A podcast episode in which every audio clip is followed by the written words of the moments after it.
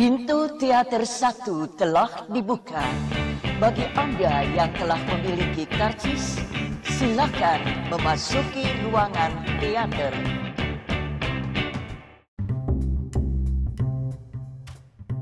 Baik lagi sama gue Mustafa di podcast Habis Nonton Film Sudah lebih dari seminggu Sejak terakhir kali gue upload podcast ya uh, Karena ya ternyata uh, apa ya kesibukan itu mengganggu rutinitas aja sih cie kesibukan yang tiba-tiba.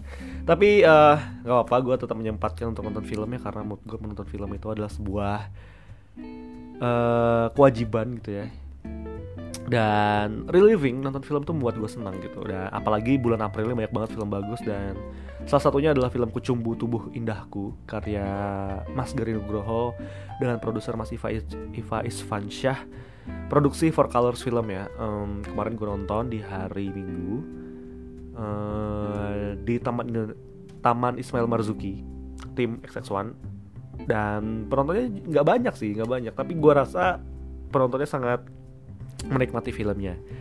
Karena uh, intim aja rasanya nonton setengah 10 malam dengan orang jumlah orang yang terbatas gitu dan rasanya uh, menarik untuk melihat excitement excitement segelintir orang ya untuk menonton film uh, kayak kucumbu tubuh indahku di jam segitu gitu. Udah ini adalah film yang bagus banget. Bagus banget secara technical dan directing. Uh, technical dalam arti editingnya menarik ya. Meskipun nggak semua shotnya bagus nggak semuanya tapi uh, overall gue suka uh, visualisasi dan directing dari Mas Garin. Buat lo yang belum tahu uh, Kucumbu Tubuh Indahku ini merupakan sebuah film yang menceritakan tentang seorang uh, penari lengger bernama Juno yang kita akan diajak kilas balik melihat riwayat hidupnya dari dia kecil hingga dewasa dan menjalani betapa getirnya hidup dan betapa menyakitkannya hidup dan dalam membentuk uh, sosok seorang Juno ini si Arjuna ini. Nah, yang membuat menarik adalah Arjuna ini uh, dari kecil udah tertarik ke hal-hal yang berbau dengan feminis gitu kayak ngeliatin lari, memasak, uh, pokoknya dia dia menjadi sosok yang kurang mendapat sentuhan ibu dan pada akhirnya membuat dia untuk menjadi melihat sisi feminis dengan caranya sendiri. Namun uh, banyak banyak hal yang membuat membuat dia untuk oke okay, uh, eh, dia akan mencoba untuk menjadi seorang yang maskulin lagi. Oh tapi ternyata enggak. Emang jiwanya di feminis dan dia berusaha untuk menebalkan itu dan menerima hidup itu apa adanya betapapun menyakitkannya gitu. Uh, gua tuh ya gua kalau lu udah nonton film Kucumbu Tumbuh Indahku yang meskipun gue yakin mayoritas kalian tuh gak nonton. Padahal ini film bagus banget sih. Uh, ada salah satu karakter uh, ada salah satu pemain yang memainkan Juno kecil yang main namanya Raditya, Raditya Evandra itu gue pernah bikin film pendek bareng dia dan uh, anak itu emang jago banget aktingnya sih. Tanpa kita harus brief banyak dia akan menjadi karakter yang kita inginkan gitu. Yang penting kita jelasin karakternya seperti apa dan dia akan menjadi seperti itu. Dan itu gue dan teman gue tuh syuting ketika dia udah tayang kucumbu tubuh hidaku dan ketika gue tonton filmnya anjir keren banget sih dia. Kayak akhirnya gue sadar gitu. Uh, orang yang sama jika dipegang oleh director yang berbeda ya outputnya akan berbeda gitu. Dan anak itu syutingnya bareng gue dan teman-teman gue dan kita nggak bisa mengeksploitasi kehandalan dia dalam berakting gitu. Dan Mas Garin bisa bisa banget malah. Meskipun Mas Garin dibantu juga oleh uh, Mas Rukman Rosadia sebagai direct ST apa uh, asisten direktur pertama. Dan itu jadi bagus banget. Solid banget seper, uh, tampilannya bagus banget aktingnya bagus banget kita tahu bahwa dalam tatapan matanya dalam ke getarnya bad bergetarnya badannya kita tahu bahwa dia begitu takut dan begitu terancam dan begitu trauma dengan apa yang sudah dia lewati. Dan tanpa harus banyak ngomong gitu. Uh, Juno itu Juno kecil berbicara mayoritas hanya ketika pada dia dalam kondisi stabil atau bahagia ketika dia dalam kondisi tertekan dia tidak berbicara sama sekali. Dia hanya menunjukkan ekspresi bahwa dia tertekan dan dia takut akan dunia gitu. Gitu sih itu wah itu that's most uh, gua gua sih yakin mungkin Raditya Vandra akan masuk dalam satu nominasi pemeran anak di FFI nanti ya uh, alongside Mas Garin uh, sebagai sutradara terbaik di FFI nanti dan film terbaik di FFI nanti gue sih yakin ya masuk nominasi sih. Karena gue belum tahu film apa aja yang akan muncul sampai bulan September atau Oktober nanti. Da, tapi gue yakin Kucumbu tuh masuk di best film sih masuk nominasi best film. Nah uh, film ini tuh punya opening shot yang bagus banget. Jarang kita nonton film Indonesia yang opening shotnya udah bisa merepre merepresentasikan apa yang akan terjadi dalam filmnya. Nah Kucumbu tuh bisa Kucumbu tuh bisa banget untuk memberitahu gue kalau oh ini tuh film akan bercerita dengan cara seperti ini gitu. Dan cuma dengan memperlihatkan satu shot di awal. Introduction terus kameranya bergeser and then oh, fuck that's wah keren banget sih. Gue keren gue suka banget shot itu. Ketika gue ketika shot itu terjadi gue langsung bilang ah gitu kayak wah ini it's gonna be something gitu. Eh, nggak uh, perlu waktu lama untuk gue tahu ini film akan jadi film yang bagus ya. Cuma berapa menit aja.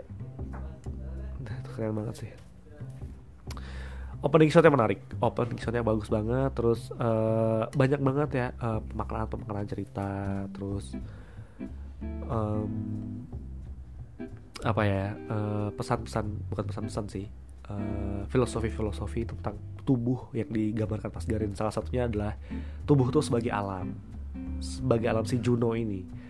Uh, Oh iya gue lupa bilang kalau ini tuh terinspirasi dari kisah nyata Mas uh, Rianto kalau nggak salah namanya.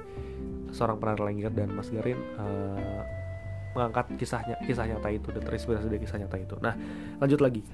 Uh, banyak filosofi-filosofi tentang tubuh yang diceritakan dalam film ini. Salah satunya adalah tubuh sebagai alam, tubuh sebagai hasrat, tubuh sebagai rumah. Dan itu tergambar jelas dalam cerita-ceritanya dan gue sangat suka karena tubuh seperti yang diceritakan dalam filmnya itu sangat kental terasa dan sangat memberikan kita uh, rasa yang yang membuat kita berpikir lagi tentang oh iya ternyata ternyata badan kita yang sekecil ini gitu ya yang ternyata terbuat dari tanah liat pada dasarnya itu ternyata punya efek besar terhadap terhadap hidup kita dan orang lain gitu. Seperti uh, darah terus mata. Mata sebagai salah satu uh, Indra yang digambarkan dalam film ini yang pertama kali muncul gitu ya. Karena dia uh, si Juno ini suka mengintip dunia lewat lubang gitu. Lubang dan lubang pemaknaan lubang sebagai uh, tempat munculnya kehidupan juga digambarkan dengan sangat menarik gitu. Itu filosofi filosofi tentang tubuh yang menarik. Bagus.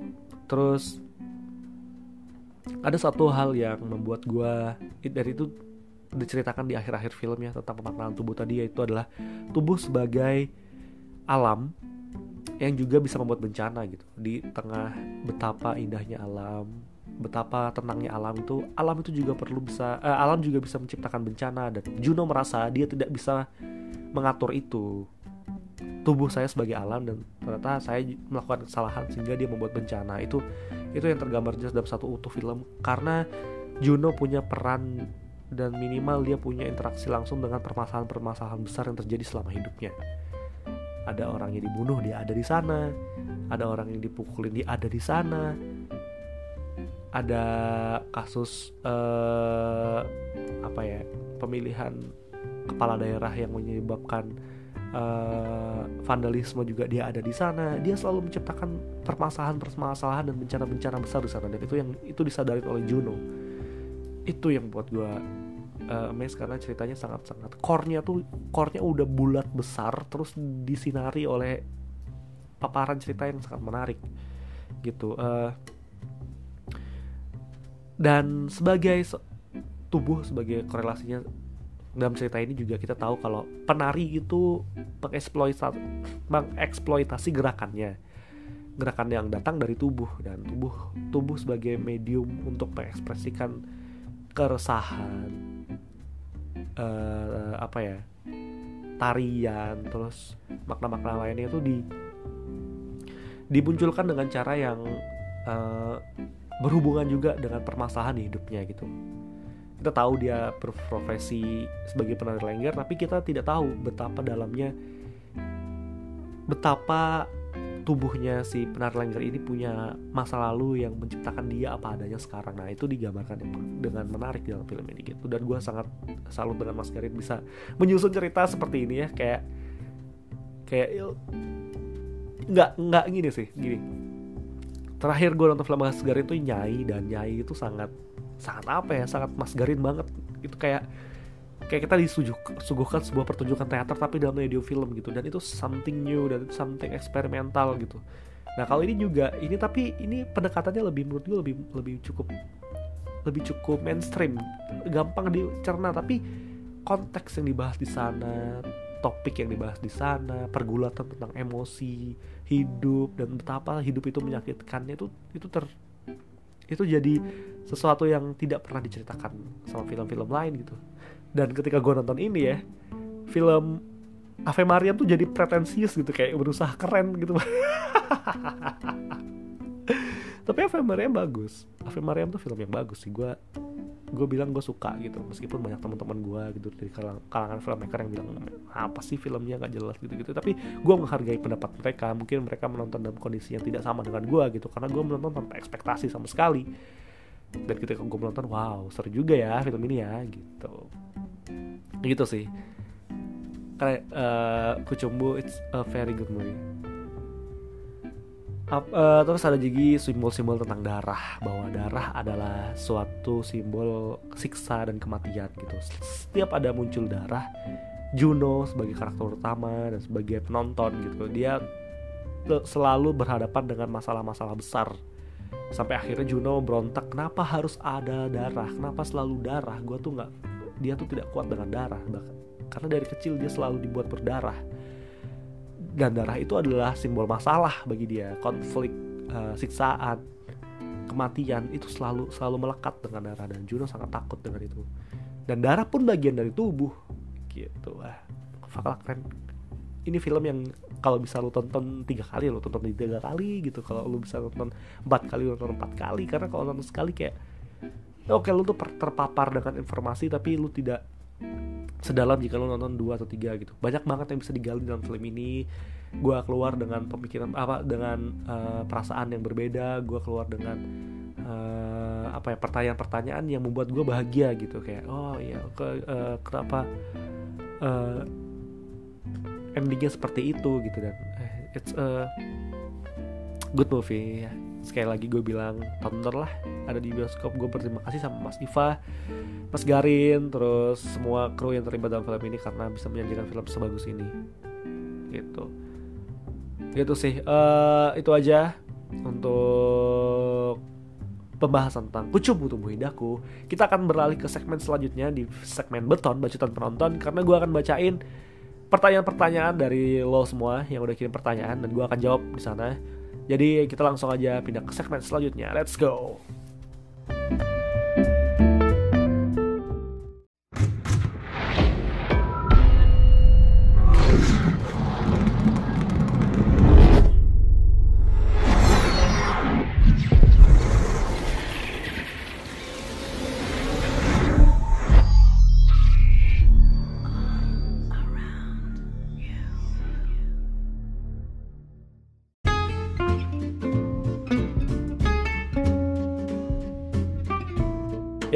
Balik lagi uh, gue Mustafa di podcast episode film kali ini. Kita ada di segmen bacotan penonton beton.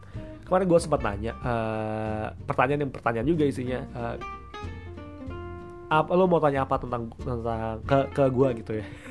Kayak penting. Kayak penting kayak gue ada kayak gue ada informasi yang bisa gue ceritakan aja. Ah jadi cukup ada beberapa pertanyaan yang menarik. Sini gue udah lihat sekilas. Gue akan bacain. Yang berhubungan dengan film oke? okay?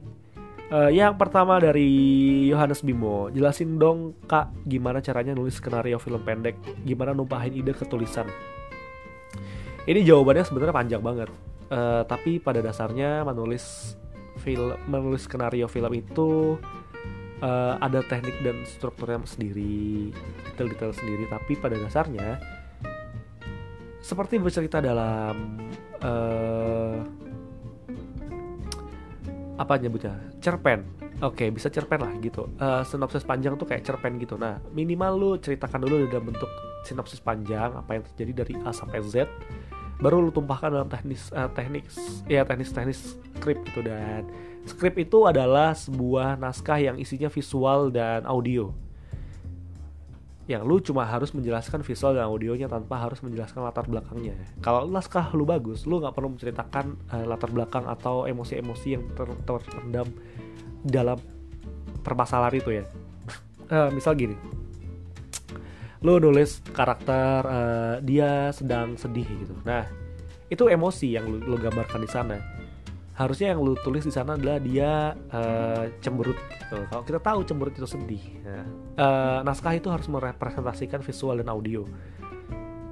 Jadi jadi jangan ceritakan emosinya karena karena emosi itu bentuknya abstrak ya. Jadi kalau misalnya lu tulis uh, dia lagi sedih ya sedih itu bisa jadi menangis bisa jadi tidak menangis gitu ya tapi kalau lu tulis di sana dia sedang menangis ya kita bisa uh, kita lihat di adegan sebelumnya apa yang terjadi. Kalau misalnya banyak kejadian pahit yang terjadi ya berarti dia sedang sedih. Tapi kalau misalnya banyak bahagia dia akan bahagia gitu sih. Lebih ke gimana caranya menceritakan tuturan gerak dari A sampai Z dengan cara dengan teks yang memperjelaskan apa audio dan visualnya gitu sih. Terus dari Camping gimana caranya jadi director? Aduh ini panjang jawabannya tapi minimal lu berusaha coba aja bikin film pendek gitu. Lu jadi komandonya lu tahu apa yang lu mau shoot lu tahu apa yang lu mau edit lu tahu apa yang harus pemainnya ucapkan dan gerakan gitu. Kalau once lu tahu apa yang lu harus kerjakan di sana lu udah jadi director sih. Terlepas bagus atau enggaknya ya. Director itu menahkodai sebuah project film karena dia adalah kepala dari kreativitas yang ada di sana. Gitu. Terus dari Lord Wolf bang kasih tipsnya dong biar bisa non bisa dan kuat saat nonton di bioskop sendirian. Wah uh, ya cari kali ini ya tips dari gue ya. Ketika lu nonton di bioskop uh, pastikan di kanan kiri lu nggak ada orang. Misal gini ada satu row yang isinya orangnya full gitu ya. Lalu jangan pilih duduk di sebelah yang ada orangnya lu geser dua kursi di sebelah lu gitu. Jadi lu sendirian di tengah-tengah sana rasanya kayak nonton di kosan gitu nonton sendiri tapi ada crowdnya aja gitu. Dan lu nggak berinteraksi langsung dengan orang-orang sebelah itu misalnya di sebelah lu ada yang ngobrol lah lu nggak denger gitu. Rasanya kayak nonton di kosan sih gitu. Itu kalau situasinya bioskopnya sepi tapi kalau rame ya udah di tengah-tengah. Dan ya udahlah uh, di zaman sekarang gue sering banget ketemu sama orang yang ke bioskop sendirian dan it's okay lu nggak perlu mikirin apa yang orang pandang aja. Yang penting lu di dalam nyaman dan ngerasa gak terganggu itu sih lebih penting untuk apa berdua tapi terganggu kan gitu. Lu ke bioskop berdua. Terus uh, di bioskop malah teman lu berisik atau nanya-nanya kan lebih terganggu. Mending enak sendirian tau. Gitu sih. Gue lebih gue sama pacar gue gitu. Kalau misalnya pacar gue nggak mau ya udah gue nonton sendirian aja. Tenang aja gak perlu nggak perlu ribet. Dari Tito Ananda film paling overrated uh, most of mainstream movies is overrated. Or are overrated. Uh, apa ya apa ya? Overrated overrated ya? Captain Marvel overrated terakhir gue tonton. Batman v Superman tuh overrated uh, apa lagi? Oh ini. Uh, kalau gue uh, Green Book overrated gue bagi gue yang terakhir film terakhir yang overrated itu Green Book sih. Ya itu Green Book. Moonlight juga lah ya kenapa gue milih yang Oscar? Oscar menang. Ya tapi ya tapi itu sih ya gitu deh. Dari SB Charlton preparation before watching three hours movie IKEA Endgame. Um, jangan buka Twitter. Mute kata Avengers Endgame Thanos Tony Stark apa pun yang berhubungan dengan Marvel lu mute aja di medsos yang lo bisa. Karena gue udah nge-mute itu jadi gue nggak kena spoilernya dan jangan nonton trailer kalau bisa hindari nonton satu atau dua trailer aja. Minum kopi sebelum nonton. Uh, pastikan perut tuh tidak terlalu kenyang atau tidak terlalu lapar. Isi cemilan aja. Gitu sih. Dijamin lo nyaman dan tidurnya cukup sebelum nonton karena tiga jam waktu yang lama. Jangan lupa ke toilet juga. Gitu. Nggak perlu nonton film sebelumnya sih udahlah. Langsung tonton aja Terus dari Afterwatch Movie, kenapa scene Endgame bisa bocor? Ah, gue nggak tahu sih kenapa, tapi kayaknya uh, kemarin ada yang bilang isunya ada salah satu anggota dari LSF ya, anggota keluarga dari lembaga sensor film gitu, yang rekam katanya gitu. Nggak tahu ya itu itu beneran atau nggak gue ngerti. Gue nggak nyari nyari juga ngapain gila ketika gue dapat spoiler gue nggak akan nonton filmnya sih tai lah gue benci banget spoiler tuh kayak orang ngasih spoiler tuh harusnya masuk neraka jahanam langsung gitu instan gak perlu lagi ditanya amalan selama dunia apa dia ngasih spoiler sih dari Fathern, menurut lo film film style over substance itu kayak yang kayak gimana? Gini, substansi itu penting menurut gue dibandingkan style. Uh, banyak film yang menurut gue lebih penting tentang substansinya daripada stylenya. Entah cara bertutur atau enggak. Menurut gue, gue nggak nggak menunjuk uh, film-film tertentu uh, untuk men me menjelaskan apa itu style over substance. Tapi contohnya gini, kita tahu Wong Kar Wai itu seorang director yang punya style yang bagus dalam sinematografi, cara bercerita, dan uh, banyak orang yang terinspirasi dengan cara cara apa ya merekamnya Wong Kar Wai gitu kayak gambar yang patah-patah, warna yang penuh dengan neon gitu dah. Itu stylenya, tapi orang nggak tahu substansinya. Kalau ternyata Wong Kar Wai itu emang menggunakan kota Hong Kong sebagai sebuah lokasi yang ternyata riuh-riuh ramai gitu tapi ternyata sepi gitu. Kenapa gambarnya dibuat lambat, patah-patah karena kita di kita diajak untuk merasakan betapa waktu itu berjalan begitu cepat di antara ramainya kehidupan ini gitu. Itu substansinya. Neon itu adalah representasi kota Hong Kong itu sendiri dan banyak banget orang yang di Indonesia tuh teman-teman. Film pendek yang bikin film warnanya warna-warni terus gambarnya dipatah-patahin tapi nggak tahu substansinya apa. Itu nggak memperkuat cerita tapi cuma menang secara look. Dan kita nggak tahu apa makna di dalamnya.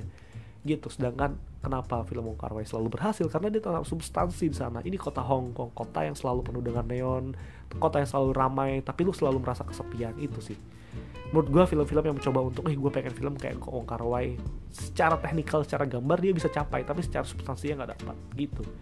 That's style over substance. Dari IB19 pendapat lo tentang buku diangkat ke layar lebar. It's a good thing. Uh, eh, gue tidak against terhadap itu tapi kita perlu keseimbangan ya. Selain film-film original story gitu ya film-film yang dibuat dengan ide baru uh, kita juga perlu film yang diangkat dari buku atau IP-IP lainnya masalahnya gini uh, cerita baru, cerita original itu sangat susah banget cara promosinya dan cara menangkap calon-calon penonton karena mereka harus menjelaskan secara berulang film ini bisa cerita tentang apa. Uh, coba lu cek deh uh, tahun kemarin film film Indonesia yang cerita original itu berapa persen eh berapa banyak yang di atas satu juta penonton? Pasti dikit banget lebih banyak yang IP karena apa? Karena IP lebih gampang untuk diterima masyarakat. Lebih gampang untuk dikenali gitu. Jadi daya tarik untuk ke bioskopnya itu tinggi. Nah kenapa itu bagus? Jadi orang-orang lebih sering ke bioskop gitu. Industri ini akan semakin hidup. Kalau kita tetap bertahan pada ide membuat film selalu harus original nanti siapa yang ke bioskop gitu? Dan industrinya akan mati. Jadi gue lebih suka kalau berimbang yang diangkat dari buku novel atau apa IP apa pun dengan original itu berimbang. Jadi uh, perfilman itu selalu punya uh, diversity-nya gitu diverse tentang uh, tema-temanya. Gitu sih gue sih setuju-setuju aja ya. Ya coba lu lihat aja. Iya kalaupun ada yang original pasti ada sosok yang dijual di sana. Misal nih kayak apa uh, orang kaya baru. Itu kan cerita original ya tapi kan yang bikin Joko Anwar. Ada brand Joko Anwar di sana yang dijual Joko Anwarnya. Kayak kita eh udah tonton tontonlah yang nulis Joko Anwar ini gitu. Kita nggak perlu ceritanya apa. Yowis Band. Yowis Band juga cerita original tapi yang dijual bukan Yowis Band ya tapi Bayu Skaknya gitu. Gitu sih. Dari Hari Hi my name is Hari. Most overrated and underrated movie. Director and actor Go Overrated movie tadi mungkin Green Book Underrated movie uh, Apa ya? Underrated movie uh, Underrated movie uh, Aduh. Hmm, underrated movie aduh gue gak kepikiran nih apa yang nanti gue jawabnya kalau bisa gue ingat director. Ah overrated ya. Overrated overrated. Overrated kalau luar negeri mungkin James Cameron. Overrated uh, itu filmnya uh, terus underratednya banyak underratednya banyak banget. Yorgos Lanthimos tuh underrated tuh. Uh, nggak sih itu tapi cukup populer juga ya. Um, Sam Raimi itu underrated tuh cuma emang beberapa karyanya emang nggak nah ini um, director searching tuh underrated juga. Terus aktor aduh aktor atau aktris ya aktris Jennifer Lawrence kayaknya. B aja soalnya. Terus overrated tuh uh, underratednya banyak banget. Um, siapa yang gue bisa contohin ya? Uh, apa ya gue nggak kebayang uh, tidak terpikirkan. Itu sih. Nanti gue coba jawab gue cari deh kalau gue kepikiran. Dari podcast dua dami. Di Indonesia ada nggak sih PH yang khusus ngurusin trailer film? Nggak ada.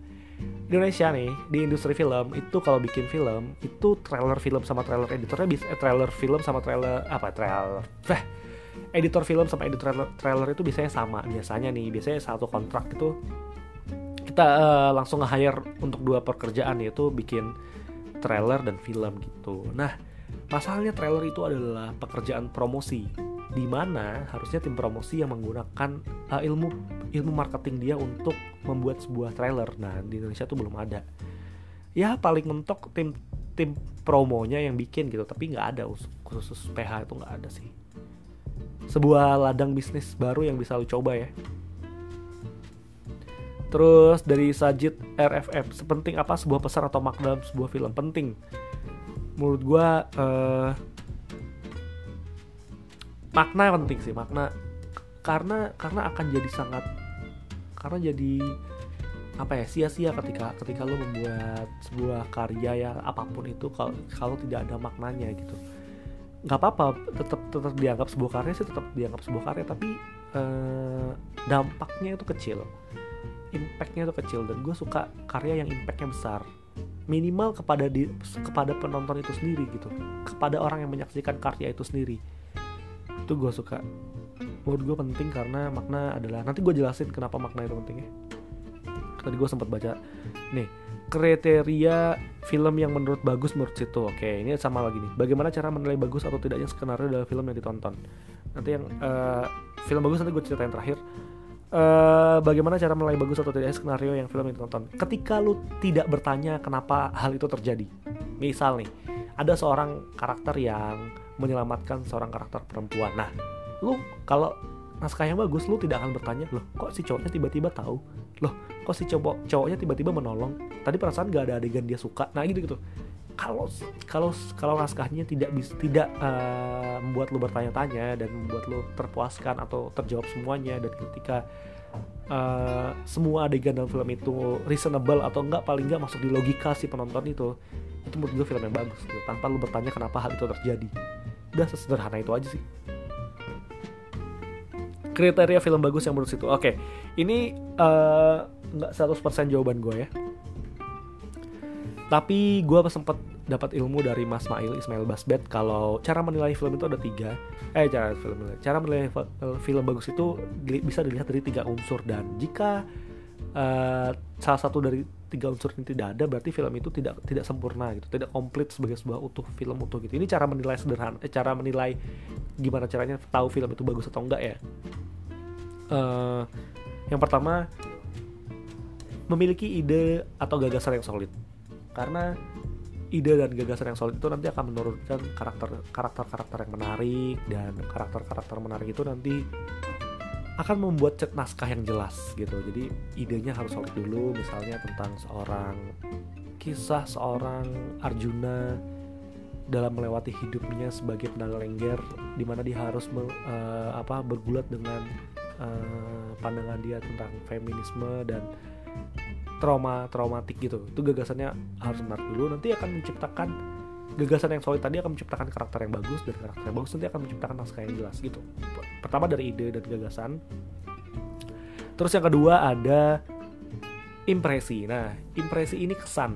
Impresi itu biasanya diciptakan oleh teknologi. Teknologi ini dibelah lagi menjadi dua visual dan audio. Nah ketika film itu bisa memberi lo kesan secara impresi visual misalnya gambarnya bagus, warnanya bagus, pengambilan gambarnya bagus atau dan audionya bagus, jernih itu berarti film ini udah mencakup uh, poin kedua yang yang di berhasil dicapai yaitu impresi.